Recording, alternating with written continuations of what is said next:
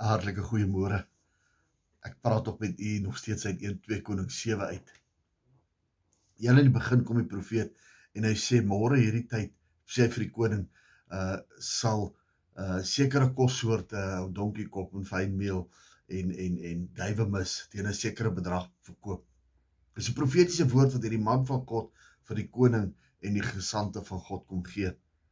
En en die die tweede bevel, die adjutant van die koning sê dit sal nie so wees nie.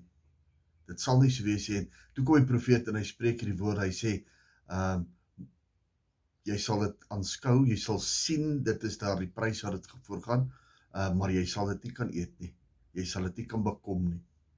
En heel aan die einde van die storie, toe is dit nou soos die profeet gesê het en die adjutant hardloop uit, hy wil aanskou dit en hy ervaar dit, maar die mense trap hom dood en hy het dit nooit geervaar nie, uh ontvang nie. Ek moet jy my sussie vandag wil ek vir jou 'n waarskuwing bring. Um wanneer jy 'n woord van God ontvang het, wanneer daar 'n profetiese woord uitgegaan het, wanneer 'n belofte uitgegaan het, wanneer jy die Bybel lees en en en die die skrif praat met u en is in 'n in 'n vorm van 'n belofte wat sê dit sal so wees en dit sal so wees. Soos in hierdie geval waar die profeet gekom het en gesê môre sal dit so so wees. Um en u lag dit af. U breek dit af wil ek vir u sê dat uh basies dieselfde gaan gebeur as met die adjutant. Um hy kon dit sien, maar hy kon dit nie behaal nie.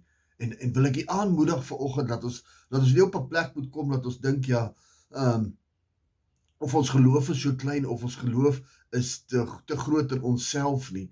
Um want dit is wat baie van die dinge vir, vir wegraak is is wanneer ons dink in aan onsself en ons probeer dit in ons eie terme meet want dis wat hierdie adjutant gedoen het. Hy het in die terme gemeet van die hedendaagse daai huidige tyd van hulle stand. Hulle was in 'n oorlog gesetel en dit is hoekom hulle nie kos gehad het nie. En ewe skielik sal hierdie kos beskikbaar wees uh, teen 'n belaglike prys en ehm um, en hy het gesê dit sal nie gewees nie. Sal nie gebeur nie. En daarom wil ek jou aanmoedig om vandag te kom en vir te sê, moenie aan jou huidige omstandighede meet, jou siekte vandag weet, jou finansiële nood vandag meet, jou jou jou jou verhouding vandag meet oor wat God môre sal kan doen nie.